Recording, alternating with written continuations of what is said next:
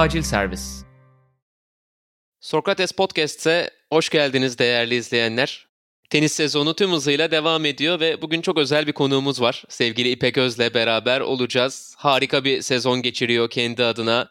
Kariyerindeki en yüksek sıralamaya, dünya sıralamasının 224. basamağına ulaştı ve konuşacak tabii çok fazla şey birikti.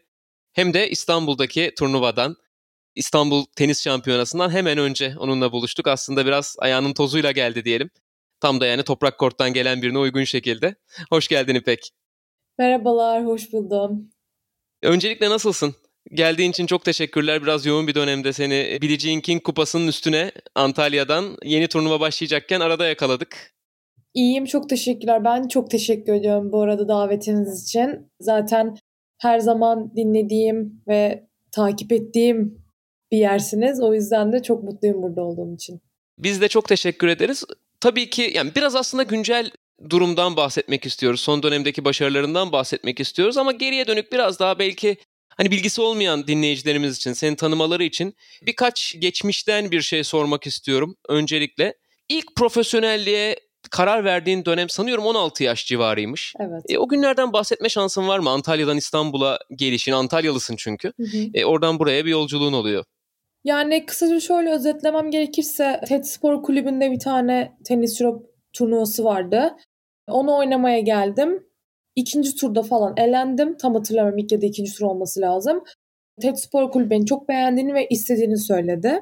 Ben de bunu ailemle görüştüm. Babam kalkıp İstanbul'a geldi. Başka kulüplerle de görüştük. En son dedik ki hani Enka olsun. Enka'ya transfer oldum ve o zamanlar tabii hep beraber Koza'daydık bildiğiniz üzere.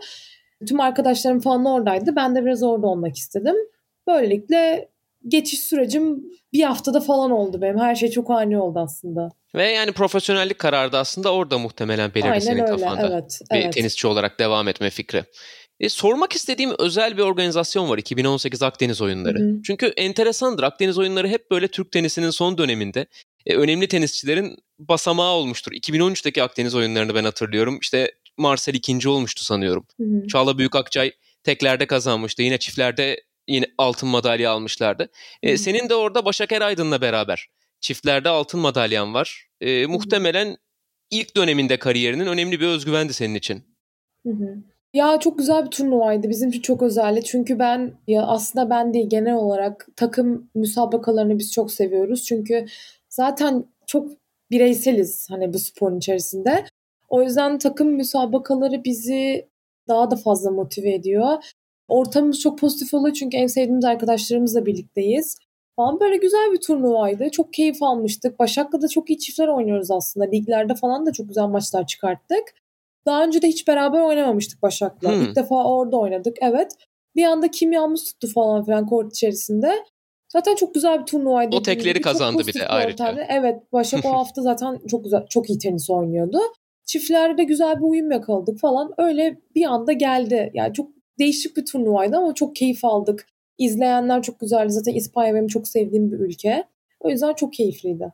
Tabii bir de hani biraz daha artık yaklaşırsak bu güne doğru gelirsek e, pandemi dönemi var. Tenis oyuncularının bütün herhalde kabullerinin değiştiği bir dönem. Hı hı. Evinde oturduğu bir dönem tenisçilerin. Ben kimle sohbet etsem mesela Altuğ'yla Cem'le de bu konu üzerine konuşmuştuk. Yani bizim hayatımız seyahatle geçerken bir anda kendimizi evde bulduk dediler. Hı hı. E, senin de şansa form tuttuğun bir zaman aslında. Hı hı. İyi oynamaya başladığın bir zaman, teklerde güzel sonuçların gelmeye başladığı bir zaman. Seni nasıl etkiledi? Evet, güzel soru. Yani şöyle ben burada bir tık farklı düşünüyorum. Çünkü çok yoğun bir tempodayız hani bildiğiniz üzere. Yani sürekli oradan oraya gidiyoruz. Seyahatler, uçaklar, trenler. Sürekli bir yerdeyiz ve aslında o süreçte bir, birkaç ay evde olmak bana güzel geldi. Bilmiyorum. Yani çünkü ben İstanbul'da da ailemden ayrıyım. Onlar çünkü Antalya'da yaşıyorlar. Ben Antalya'ya gittim bu dönemde. Ve bir süre onlarla vakit geçirmek aslında özlediğim bir şeymiş. Biraz da bunu fark ettim. Ben çok sıkıldım diyemem o dönemden. Çünkü biz zaten hani Mart'ta evlere kapandık. Biz Evet. 1 Haziran'da antrenmanlara başladık. Aslında bizim için iki buçuk aylık falan bir süreçti. Evet biraz sıkıcıydı belki bazen falan filan ama benim kafa olarak aslında dinlendiğimi, ihtiyacım olan bir şeyi elde ettiğimi düşündüğüm bir zamandı. Zaten dediğin gibi ondan sonra ben biraz daha o dönemde bir şeylerin farkına vardım ve döndüğüm zaman mental olarak biraz daha yenilenmiş gibiydim aslında. Ve tenise olan özlemim beni biraz daha ileri ittirdi. Çünkü hayatımdan tenis çıktığı zaman gerçekten biraz boşlukta olduğumu gördüm. Hmm. Ve ben şuna tekrar karar verdim. Evet ben gerçekten bu işi seviyorum. İnanılmaz çok seviyorum ve ben daha da fazla özen göstermek istiyorum diyerek sezona öyle başlamıştım aslında. Baya böyle kendini sıfırladığın bir dönem oldu. Biraz öyle oldu evet. Reset attım. Çünkü pandemi öncesi Antalya'da 15 binlik bir turnuva kazanıyorsun. Hı hı. Pandeminin biraz daha hafiflediği dönem diyelim 2020'nin sonuna doğru. Bir kez daha aynı turnuvayı kazanıyorsun. Senin için muhtemelen o bir kıvılcım oluyor. Yani o iki turnuva zaferi arkasından 2021 evet. sezonu geliyor hı hı. ki Türk tenis seyircisinin de yani yakından ilgilenenler tabii ki seni oldukça iyi tanıyordu. Hı hı. Ama biraz daha uzaktan bakan Türk seyircisi de İpek Öz'le tanışıyor 2021 senesinde. Müthiş bir sezon. Evet. 42 e, maç kazanıyorsun. E, bahsettiğin gibi işte bu oyundan keyif alma meselesi çok güzel bir detay. Yani uzun bir ara verdikten sonra tekrar kortlara dönmenin getirdiği muhtemelen mutlulukla oynuyorsun. Hı hı. 2021'den biraz bahsedebilir misin bize? Orada ama tabii şöyle bir detay var. Final maçlarında yani çok güzel final maçlarına yükseliyorsun ama son noktayı koymak belki evet. nasip olmuyor. 2021'i şöyle. Ya aslında yine Mayıs'a kadar, Mayıs ayına kadar çok bir şeyim yoktu. Mayıs ayında hayatıma biliyorsunuz hani Mert abi girdi. Şu anki antrenörüm Mert Ertunga. Onunla beraber biraz daha oyunumu buldum diyebilirim. Çünkü biz her zaman yani genellikle daha doğrusu grup antrenmanı yapıyoruz ve antrenörlerin de burada bir suçu yok. Çünkü herkese gereken ilgiyi veremiyorlar maalesef. Çünkü çok kişiyiz kulüplerde. Mert abiyle biz özel olarak çalışmaya başladığımız için oyunuma bir şeyler kattım. Aslında bunların büyük bir silah olduğunu fark ettim. Ben 2021 Mayıs'tan itibaren bunu uygulamaya başladım. Çok güzel uyguluyordum aslında evet ta ki final maçlarına kadar. Ya final maçlara ne oluyor gerçekten bilmiyorum. Hani ya bazı haftalar gerçekten çok yoruldum. Elemeden çıktım falan. Artık dedim hani bazen gerçekten olmayınca olmuyor. O kısma geldim. Bazen o gün oyunum tutmadı. Bazen bir yerim sakatlandı falan. Ya gerçekten final maçlarında şanssızlığım oldu. Ama yine de biz bu yolculuktan keyif aldığımız için o finaldeki sonuca takılmadan devam ettik ki bu ya ondan sonra gelen finaller de çok değerli. Kesinlikle. Olmadı. Finalleri kazanamadım ama yine finale kadar da 4 maç falan kazanıyorum en az. O kısma çok zevkli aslında. Biz büyük küresine odaklanıyoruz diyeyim. Ki yani mesela 60 binlik bir turnuva finali var. Hı hı. Beatrice Haddad Maya ile çok yakın bir maç. Ee, hep 3 evet. setlik maçlar, yakın maçlar. Yani aslında çok yakın e, nokta yani o noktayı geçmen de çok yakın gibi gözüküyor. Evet evet. Ya Mert Ertunga'dan ben bahsetmek istiyorum çünkü yani sen zaten girdin biraz. Hı-hı. Ben yani ne zaman sohbet etsem kendisiyle tenise dair ufkum açılıyor ve sağ olsun Sokrates de her zaman bize birçok içerikte çok yardımcı oldu. Geldi katıldı. Varlığı bizim için çok kıymetli. Bir antrenör olarak ondan bahsetme şansın var mı? Yani biz çünkü çok seviyoruz kendisini. Bir de senden dinlemek isteriz. Tabii ki. Ya Mert abinin şöyle bir avantajı var. Yani herkes antrenörlük yapıyor ama Mert abi gerçekten tenisi yaşayan bir insan. Hani ben tenisle ilgili şimdiye kadar bir bir şey öğrendiysem Mert abi gerçekten 101 şey öğrenmiş. Hani herkes tanıyor, herkesin maçlarını izliyor dediği gibi zaten biliyorsun tweetleri falan meşhurdur. Tabii. Yani inanılmaz çok maç izliyor. Gerçekten ya ben şimdiye kadar Mert abi şunu tanıyor musun dediğinde hayır ben kızı hiç duymadım dediğini bir duymadım yani hiç hatırlamıyorum. Bu benim için büyük bir avantaj. Çünkü karşıma hangi rakip çıkarsa çıksın Mert abi aslında onu zaten görmüş, maçlarını izlemiş, çoktan analiz etmiş oluyor. Ben o kız çok iyi tanıyorum falan diyor. Daha Bogota'da aynısı oldu. İlk tur maçımda, daha ana tablo ilk tur maçımda ben de o kız çok iyi tanırım sen merak etme falan dedi direkt bana hani maçtan önce her şeyi söyledi zaten. Ya ben maçlara çok hazır çıkıyorum aslında. Ki yani pek de ünlü bir tenisçi değildi aslında. Evet değil ama, ama evet. O da, yani o da Mert müthiş, abinin müthiş. tenis nerdlüğü işte. çok işin içinde. Ya gerçekten öyle. Bir de Ayla Aksu sizle beraber çalışıyor evet, sanırım. Evet aynen. Beraber o hashtag'den takip ediyoruz Team Mert evet. hashtag'inden. Şunu sormak isterim. Şimdi e, oyun stili olarak gerçekten farklı bir oyun stiline sahipsin. Yani Hı-hı. Şimdi kadın tenisinde son yılların demeyeyim son 20 yılın belki de bir trendi var. Güç tenisi, geri çizgiden, Hı-hı. baseline'dan topa temiz, güçlü vuran, uzun boylu, büyük oyuncular genelde domine etti. Tabii ki yani istisnalar vardı. İşte Ash Barty gibi bir istisna gördük yakın zamanda en basitinden.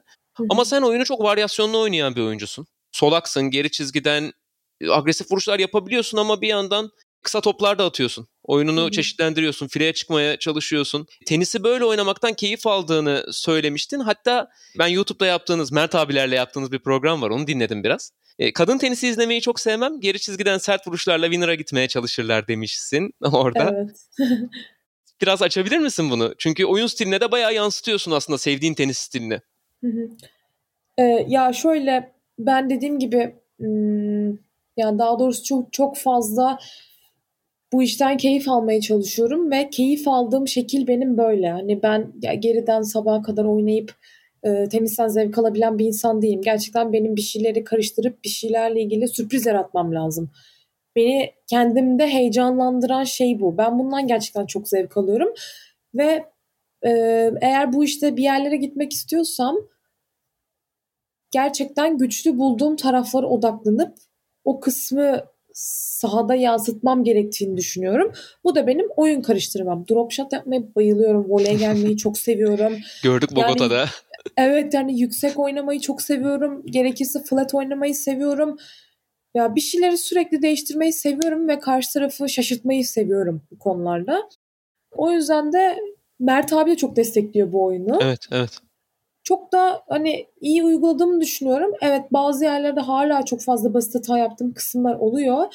Ama eğer bunları aşarsam gerçekten çok farklı bir yerde olabileceğime inanıyorum. Ve toprakta oynamayı seviyorsun. Favori Kesinlikle. zeminin toprak. Evet. Çünkü daha fazla varyasyon olabiliyor toprak zeminde. Daha çok zaman oluyor muhtemelen evet, oynayabilmek için.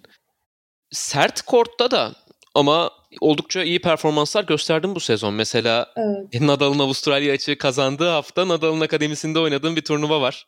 Ondan seninle sohbet etmiştik. Zaten bahsetmiştim biraz bizim dergideki Nadal dosyası için. Evet. O hafta büyük bir Nadal fanı olarak o ortamı yaşarken bir yandan da turnuva oynayıp finale çıktın. Hı-hı. O enteresan bir haftaydı. Doha'da wildcard'la ana tablo oynadın. Hı-hı. Muhtemelen müthiş bir tecrübe olmuştur Madison Brangle'a karşı. Kesinlikle. e, korta çıktığım maç. Sert kortla da nasıl diyeyim yani Yıldız'ın sanki barışıyor gibi biraz daha fazla.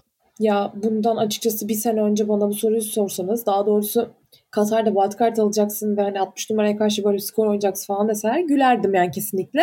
Çünkü hardcore'u hiç sevmiyordum gerçekten. Hani hiç ya ben bu zemini beceremiyorum falan diyordum. Ama daha sonra işte o İspanya turnuvasında ki oraya da sıfır beklentiyle gittik. Çünkü ben ondan önce Covid falan geçirmiştim. İyi bir durumda değildim aslında. İkinci hafta ilk turda güzel bir galibiyet alınca aslında ya ben sanırım hani burada da oynayabiliyorum'a geldim. Ve orada oynadığım final aslında Doha turnuvası için zemin hazırladı. Doha'da da neler yapabildiğimi gördüm. Çünkü ilk yüze karşı favorim olmayan bir zeminde böyle oynayabiliyorsam aslında oynayabiliyorum demek oluyor bu. Tabii. Biraz onu gördüm. O beni çok rahatlattı. Çim kort hakkında ne düşünüyorsun o zaman? Çim'i ya, yorum yapmayayım hiçbir fikrim yok. Daha ayak basmadım. Hani Gerçekten mi? Çim korta dair sadece hani futbol sahaları falan aklıma geliyor o kadar uzağım konudan. O zaman Wimbledon'da basarsın belki ilk. Aynen. Wimbledon'dan önce belki hazırlık turnuvası oynayacağız hani Çim e. O zaman bakalım ne olup ne bitiyormuş hiçbir fikrim yok. Ama Mert abi iyi oynayacağıma inanıyor. O tabii. Yani umarız Mert abi diyorsa zaten vardır bir bildiği. Aynen öyle. Şimdi daha önce Wildcard'la İstanbul'da oynamıştın. Hı-hı. 2018'de sanıyorum. Wildcard'la Doha'daki turnuvada oynadın ama tabii farklı bir şey elemelerden çıkıp kendin bir turnuvanın ana tablosuna dahil olabilme. Kolombiya'da yaptığın şey buydu. Ee, özellikle de iyi rakipler yendin. Gramatikopulo'yu mesela mağlup ettin. O evet. iyi bir performanstı. İlk kez ana tabloya kaldın. Hı hı. Biraz ondan bahsedebilir misin? Elemelerden ana tabloya kalmanın ve turnuvaya kendin katılmanın, kendin eleme maçlarını geçerek hissi biraz daha mı farklı? Ya ben orayı direkt anlatayım. Hani Bogota'ya gittik. Ben rakımın bu kadar oyunumu etkileyeceğini hiç düşünmüyordum. Gerçekten ne vurursam brandaya gidiyordu. Hiçbir şekilde içeri top atamıyordum ilk antrenmanda. Mert abi derim Mert abi hani işimiz var. Hani olacak iş değil. Böyle tansiyon yükseltiyorum, deniyorum falan filan. Yani ilk maça çıktık. Baktım karşı taraftan aynı sıkıntı var. Dedim hani benim anda kalıp bu işi kopartmam lazım. Hani ilk maç yani biraz zor oldu gerçekten. Hatta hani umutsuzluğa kapıldığımız zamanlar oldu maçta. Ama bir şekilde tutunduk. O maçı kazandık. İkinci maçta da tabii ki aynı sıkıntı vardı. Çünkü gerçekten alışması çok zor yani. En az 5-6 gün önce gidilmesi gereken bir yer. Biz 2 gün önce gitmiştik. İkinci maçı da bir şekilde atlattık. An tabloya çıktığım zaman ya gerçekten hani çok güzel bir histi. Çünkü WTA turnuvaları artık farklı bir seviye. Hani bu 25 binlikte 60 binlikte evet oynanıyor. Ama WT turnuvasında o mental seviyede olup o tenis seviyesinde olup tur atlayıp ana tabloya çıkmak, ana tabloda tur atlamak artık ve bunu istikrarlı bir şekilde yapmak çok çok farklı bir durum. O zaman gerçekten evet ben ilk yüzde oynayabilirim diyebiliyorsun. O yüzden kendimde bunu gördüğüm için tabii daha istikrarlı değilim ilk defa yaptım ama kendimde biraz da olsa bunu gördüğüm için çok mutlu oldum. Yani kendime çok gururlandım öyle söyleyeyim. İnanılmaz keyif aldım 33 numaraya karşı oynamaktan. Evet. Kendi evinde olmasına rağmen e, her şeyle başa çıkabildiğimi gördüm biraz da. Yani bunlar beni çok mutlu etti aslında. Orada olduğumu gördüm. Evet Camilla Osorio maçından sen de bahsettin. Özellikle ikinci set gerçekten yani, yani çok küçük marjlarla gitti evet. belki de ama herhalde yani baktığında geriye döndüğünde olumlu anılardan başka bir şey görmüyorsundur. Kesinlikle öyle. Ben şunu da sormak istiyorum. Şimdi bu turnuvanın Türkiye'de yayını vardı. Hı hı. Televizyonlardan biz takip etme şansını hı hı. tüm tenis severler olarak bulduk diyeyim. E, onu bilmek ayrı bir heyecan kattı mı? Yok hayır yani şöyle tabii insanlar izleyecek falan çok güzel. Yani ailem izleyecek de çok sevindim. Ama bir heyecan ya da bir baskı olmadı bununla o çok ilgili. Güzel. Yani çünkü nasıl diyeyim artık bu tarz şeylere biraz alışmak gerekiyor. Bunu bir baskı olarak değil de bunun ben sadece pozitif kısmını almayı tercih ettim. Çok güzel. Herkes izledi. Çok güzel yorumlar geldi. Çok mutlu oldum gerçekten. Böyle bir desteğin olması, ilginin olması beni inanılmaz mutlu etti. Çünkü hiç beklemiyordum ben bu kadar ilgi olacağını. Şimdi kariyer sıralamana ulaştın. Hı hı. Oradan gelen puanların da tabii bunda çok büyük payı var ve çok büyük bir aksilik olmazsa Fransa açık elemelerini oynayacaksın. Favori zemininde Aynen. ilk kez Grand Slam elemesi oynayacaksın. Onunla alakalı herhalde bir heyecan vardır bu sefer. Şunu soracağım. Favori zemininde denk gelmesi herhalde güzel oldu. Değil mi? İlk Grand Slam elemesi ihtimalinin bu kadar yaklaşması.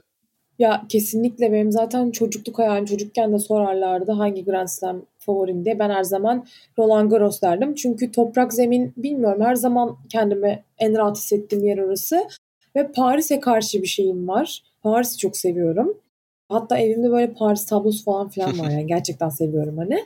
Bu beni evet heyecanlandırıyor ama dediğim gibi hiç baskı yok. Kesinlikle gidip zevk alacağım. Orada bulunmak, e, o seviyede tenis oynamak, hatta kim bilir belki ana tabloyu çıkarım falan. Bunların hepsi çok çok çok güzel şeyler. O yüzden işin yine sadece pozitif kısmındayım. Hiçbir şekilde baskı hissetmiyorum.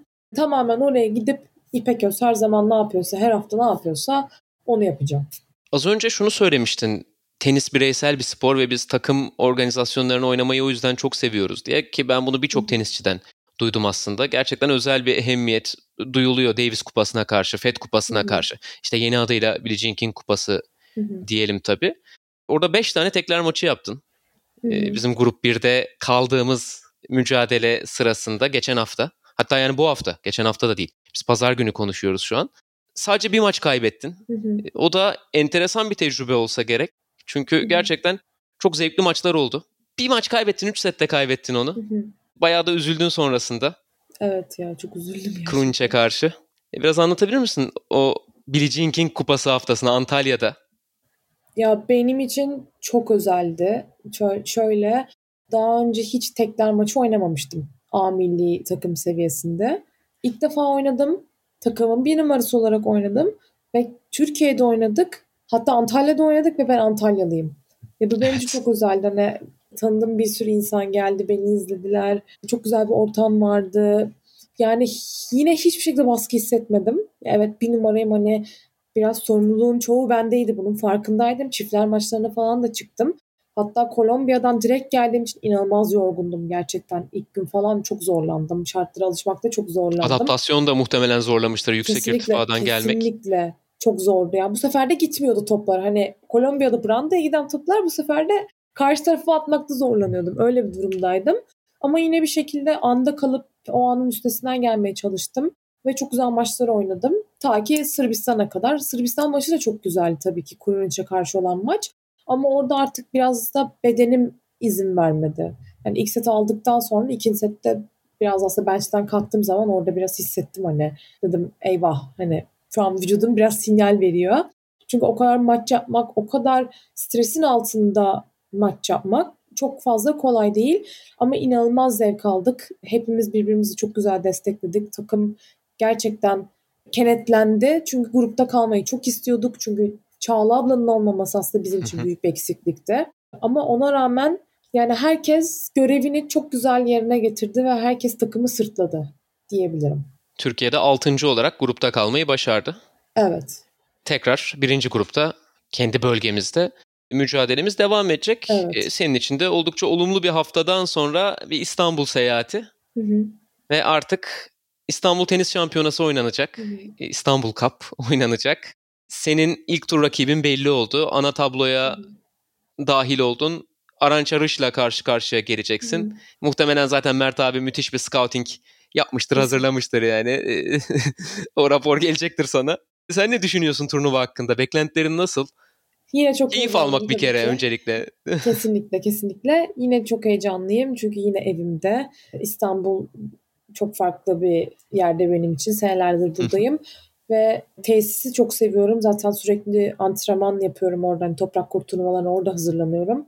Yani yağmur falan izin verirse çok güzel bir turnuvanın olacağını biliyorum ama ilk üç gün bizi biraz sıkıntıya sokacak gibi bu yağmur. Umarım yağmur falan olmaz da gerçekten insanlar da kalkıp gelebilir. Çünkü ben o Kolombiya'da hissettiğim baskıyı bu sefer tam tersi olsun ki rakipler hissetsin istiyorum. Evet. Çok güzel bir turnuva olacağını eminim. Teklerde de çiftlerde de ana tablodayım. Yine benim için çok büyük bir tecrübe. Sonuç ne olursa olsun. Ben yine yani sonuca bağlı olmaksızın yine pozitif kısmından bir şeyler almaya çalışacağım. E, ilk maçın çiftlerde olacak. Evet. Berfu Cengiz'le beraber. Evet. E, çiftler oynuyorsunuz turnuvada. E, bir yandan tekleri de oynayacaksın. E, onu biraz daha detaylandırmak istiyorum. İstinye'deki tesis gerçekten çok modern bir tesis. Ben bir amatör olarak gidip oynadığımda bayılmıştım kortlara. Tabii sen sürekli turnuva seviyesi kortlarda oynuyorsun ama yani onlarla karşılaştırdığında bile muhtemelen iyi bir tesisten bahsediyoruz. Hı hı. Ya kesinlikle tesis çok güzel. Hani bir kere yeri yani konumu insanların ulaşabileceği bir yerde ve tenis oynarken böyle ağaçların içinde olduğum için falan kendimi çok güzel hissediyorum aslında. Çok böyle pozitif geliyor bana temiz hava. Bunlar çok güzel. Kortlar çok güzel yani. Kortlar çok kaliteli gerçekten. Çok kaliteli bir toprak. Bu yüzden de Roland Garros'a güzel bir hazırlık turnuvası olduğunu düşünüyorum ben. E, o zaman herkesi bekliyoruz. İstinye'ye bu hafta. Gelebilen herkesi kortlara. bekliyoruz. Çok güzel maçlar olacak. E, son olarak artık kapatmadan evvel senin de vaktini turnuva öncesi çok fazla almadan evvel şunu sormak isterim. 200'ün çok yakınındasın. İlk 200'e girmeye artık çok yakınsın. Tabii ki hedef belirleme işi çok kolay bir şey değil. Biraz da kervanın yolda düzüldüğü dönemler de oluyor. Ama senin bu sezondan beklentin, 2022 sezonundan beklentin şu aydan baktığımızda neler kalan bölümde? Ya ben burada matematiksel olarak bir hedef vermek istemiyorum. Ama şöyle diyebilirim tabii ki hani tüm Grand Slam'lere bu sene katılmak eleme ya da ana tablo fark etmez ve gidebileceğim yani Grand Slam'lere katılıp ikinci haftaya kalabilmek aslında en büyük hedef bu. Ama bunlar tabii ki çok çok çok zor hedefler. E, çünkü gerçekten oynanan tenis çok üst düzeyde. Ama ben her zaman neden olmasın diyen bir insanım. Hani herkes yapıyor. Onların da iki kolu iki bacağı varsa biz de aynı şekildeyiz. Zor ama kesinlikle neden olmasın diyorum. Dediğim gibi matematiksel bir şey söylemek istemiyorum ama Tabii. yine bu yoldan keyif alıp yapabileceğim en iyisini yapmak istiyorum. Ya ben de zaten hani spesifik bir sıralama anlamında sormamıştım yani. Aklında ne var sıradaki hedef gibisinden gerçekten çok keyifliydi seninle sohbet etmek bu güzel sezonda. Bir sonraki buluşmada dediğim gibi belki Fransa açıktan sonra olur, belki Wimbledon'dan sonra olur. Kim bilir. Tekrar görüşürüz. Çok teşekkür ediyoruz bize katıldığın için İpek. Ben çok teşekkür ederim davetiniz için. Çok keyifliydi. Çok sağ olun. O zaman görüşmek üzere. Tüm izleyenlerimize de hoşçakalın diyoruz buradan. Sokrates'te yayınlarımız devam edecek.